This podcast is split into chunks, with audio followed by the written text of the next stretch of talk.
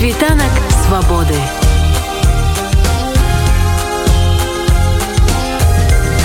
Світ вольнасці.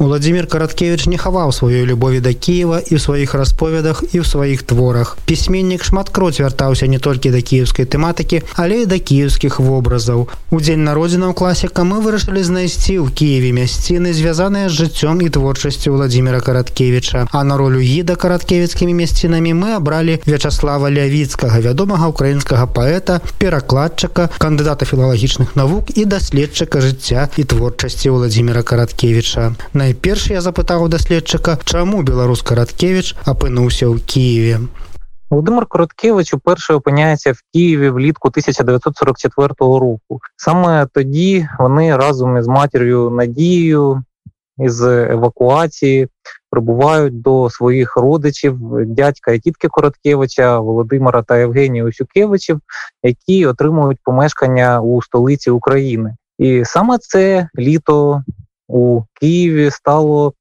очевидно зачином закоханості в наше місто з боку майбутнього видатного білоруського письменника, адже тоді відбулися події, змальовані у подальшому в повісті Каштанове листя Короткевича, і, зрештою, як можемо простежувати із його мемуарних есеїв Мойсія Градок, сон про те, що було обрана. Власне, 49-го року Короткевич вступає на філологічний факультет Київського державного університету імені Тараса Шевченка, де навчається до 1954 року. Е, загалом його знайомі, а я мав честь спілкуватися із однокурсницею Короткевича і однією з його найближчих київських е, знайомих музою Євгенівною Сніжко. Короткевич е, на той час прагнув позиціонуватися як молодий дослідник, який усю свою подальшу діяльність марив поєднати із наукою. Літературою він займався для себе, усвідомлюючи, що вірші пише багато хто з його однолітків. Утім, на той час не все залежало власне від наукового потенціалу і від е, симпатії, щирої симпатії таких класиків славістики значно істотнішою була громадська і політична партійна діяльність.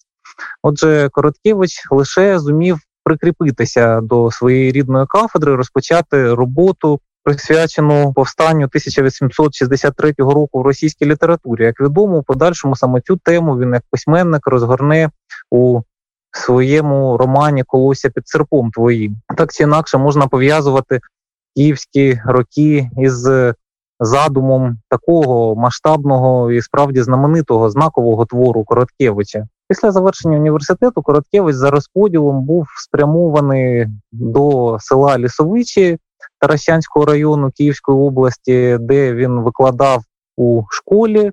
Стиль викладання Короткевича запам'ятався його учням, як мені пощастило вже почути від деяких із них. Він справді вирізнявся від багатьох олдскульних, як хочеться сказати, вчителів цього часу своєю вигадливістю, своїм вмінням запалити любов'ю до поезії і образності.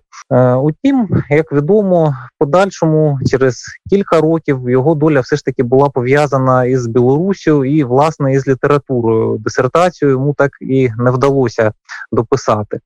Але любов до Києва залишилася в Короткевича на все життя. Він не раз бував у нашому місті у 70-х роках. Ну і звісно, знаковим є його приїзд е, до Києва на зустріч випускників у 1984 році.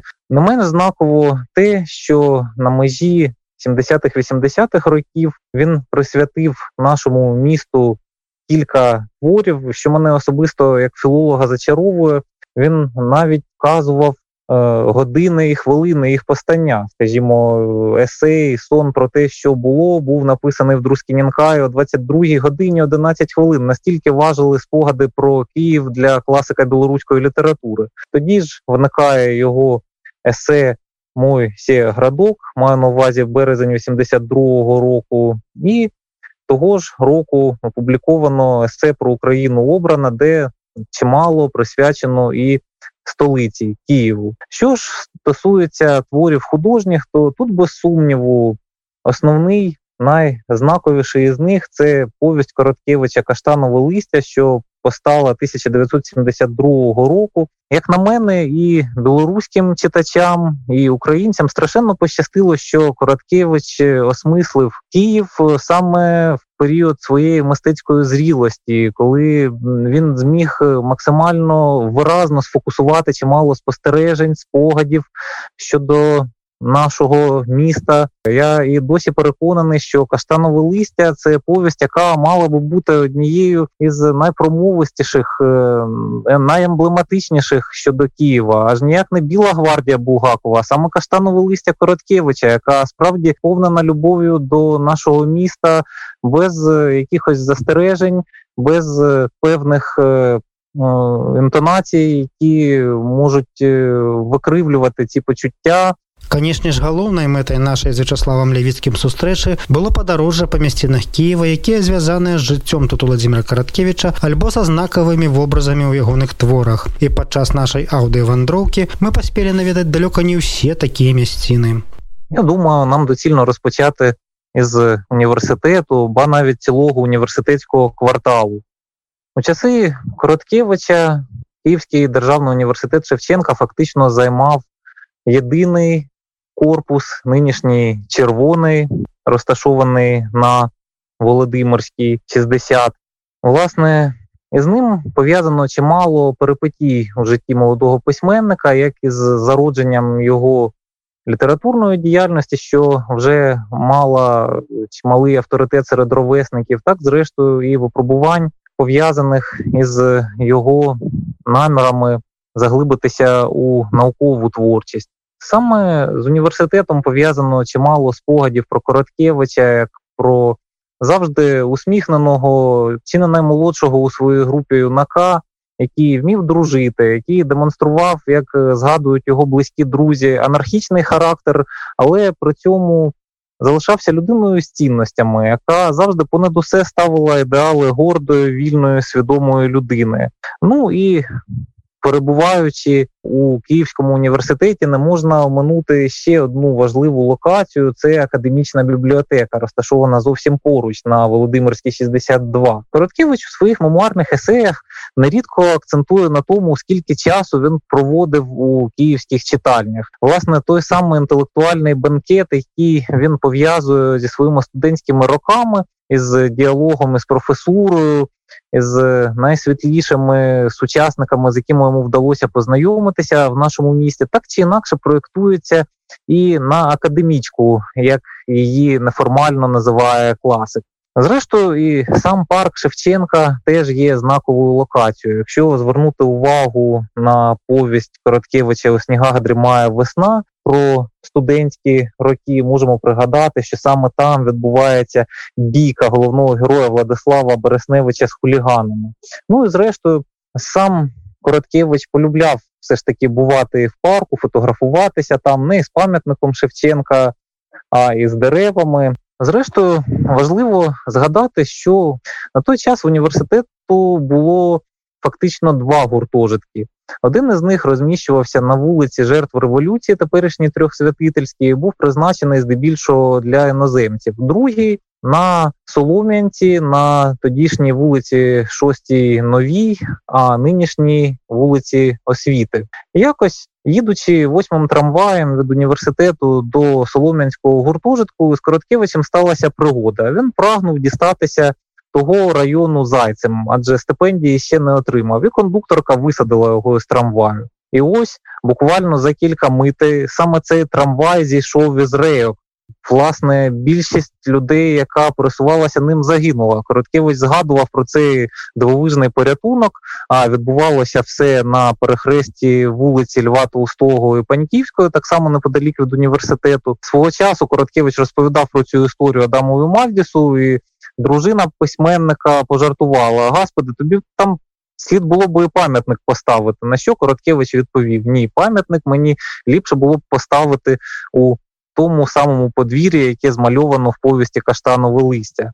Як можемо переконатися, майже так і відбулося. Очевидно, варто згадати саме це подвір'я. Подвір'я розташоване за адресою вулиця Богдана Хмельницького, 50, будинок, де власне і мешкали Володимир та Євгенія Усюкевичі, дядько і тітка Короткевича. І куди вперше він приїхав до Києва. Я думаю, що ця адреса повинна стати знаковою для багатьох поціновувачів е, письменника. Можна переконатися, що саме подвір'я на сьогодні, як і під'їзд, е, де якщо певна збіжність між номерами квартир збереглася, і де справді мешкав Короткевич. Ця будівля не настільки доглянуті, як могли би бути. Але сама атмосфера цього подвір'я, величезного київського подвір'я з справді погорбкуватим київським ландшафтом, все це відчувається і у повісті Каштанове листя. Всі баталії, які розгортаються між благородними мушкетерами, до яких належать головний герой і його побратими, і підлими хлопцями із підвальною, тобто з Ярославового вала та е, їхніми ланцкнехтами із Пирогівською. Всі ці бійки, які ґрунтуються саме на ціннісних конфліктах, і це справді знаковий простір, який оживає завдяки головній Короткевичевій повісті про наше місто. Е, мушу зізнатися, опрацьовуючи деякі неопубліковані, досі майже невідомі твори Володимира Короткевича, які зберігаються в одному із київських архівів. Я зауважив, що університетський ботанічний сад фігурує в них е, насамперед у сценарії місто біля краю веселки. Перебуваючи у цьому районі, слід е, зауважити кількома словами і про сам пам'ятник Володимирові Короткевичу. Він був споруджений із нагоди 80-річчя автора, однак із певним запізненням у квітні 2011 року. Його скульпторами стали Костянтин Селіханов і Олег Варвашеня. Дотепер можна натрапити на численні суперечки щодо того, чи вдалося творцям доречно відобразити самого білоруського класика. Зовсім недавно в соцмережах доводилося читати дискусію про те, що у місті де Короткевич провів свої молоді роки, він повинен був би бути репрезентований у більш юному образі. Але, як на мене, більш істотно те, що сам цей монумент, перший фактично професійно сконструйований пам'ятник Короткевичеві у світі, до речі, вписується у літературний квартал. Адже поряд із монументом не лише будинок, де Короткевич е, закохався у наше місто у 44-му році, гостюючи у свої перебуваючи у своїх дядька і тітки, будинок роліт, будинок робітників літератури, де жили численні українські класики. І, власне кажучи, ця творча атмосфера певною мірою суголосить тому образові Короткевича, який немов би вийшов на прогулянку. Саме так його зафіксували скульптори. Мені здається, що саме ця деталь, ця його відкритість до зовнішнього простору і готовність до творчого спатіру не менш важливі, ніж деякі зовнішні деталі. Ну і зрештою, за спиною Короткевича відкрита книга із уривком з його вірша «Я тоді закохалася Хмара, наскільки мені відомо у перекладі Тамари Коломієць. І так чи інакше, сам цей образ, сама форма організації простору нагадує уявлення Короткевича про те, що сам Київ нагадував йому своєрідну книгу. Одним із найулюбленіших районів Короткевича був Печерський. Він про це відкрито пише у своїй маленькій поемі Розмова з Києво-Печерським слоном. Звернімо увагу на сам образ. Києво-Печерський слон. Позначення Києво-Печерський може у нас асоціюватися з чим завгодно, з лаврою, патериком і так далі, але навряд чи зі слоном. Така екзотична деталь з'являється саме у світогляді цього неординарного письменника, який присвячує свою маленьку поему, очевидно, передусім будинку з химерами. Вядома ж беларусам было цікава даведацца наколькі творчасць караткевіча прадстаўленая українському читачу. Важливо, що діалог Короткевича з українськими письменниками досить тривалий. Мушу тут насамперед згадати Тамару Коломії в плані перекладу Короткевичевої поезії. Інтерпретації українською мовою, які здійснила Тамара Коломієць, є конгеніальними, але існує одна проблема: вони датуються 80-ми роками насамперед. Після того чимало моїх колег-перекладачів не виявляли достатньої належної активності, зацікавленості в пропагуванні доробку Короткевича. На жаль, моє покоління на сьогодні майже не знає про нього як про першокласного неомодерністичного поета, і це дуже прикро. Тому я, як е, поет і перекладач, прагну усувати цю похибку, відтворюючи його вірші українською. А щодо прози, то е, справді низка видань з'явилася знову ж таки в радянський час. Одним із перекладачів, який найактивніше співпрацював і товаришував із Короткевичем, був Карл Скрипченко, який зокрема проінтерпретував українську повість Каштанове листя. Думаю, що повість Каштанове листя однозначно слід було би перевидавати або перекладати і публікувати у новій україномовній версії, адже повторюся, дуже дуже вболіваю за те, щоб саме цей твір просякнути відвагою інтелектуальною і загалом гуманістичною та етичною, був одним із символів нашого міста. Вось такой любоўю і павагай да выбітнага беларускага пісьменніка владимира караткевича ставіцца і распавядае аб яго жыцці. Украінскі перакладчык і даследчык творчасці і пісьменнікам вячаслав лявіцкі світанак свабоды.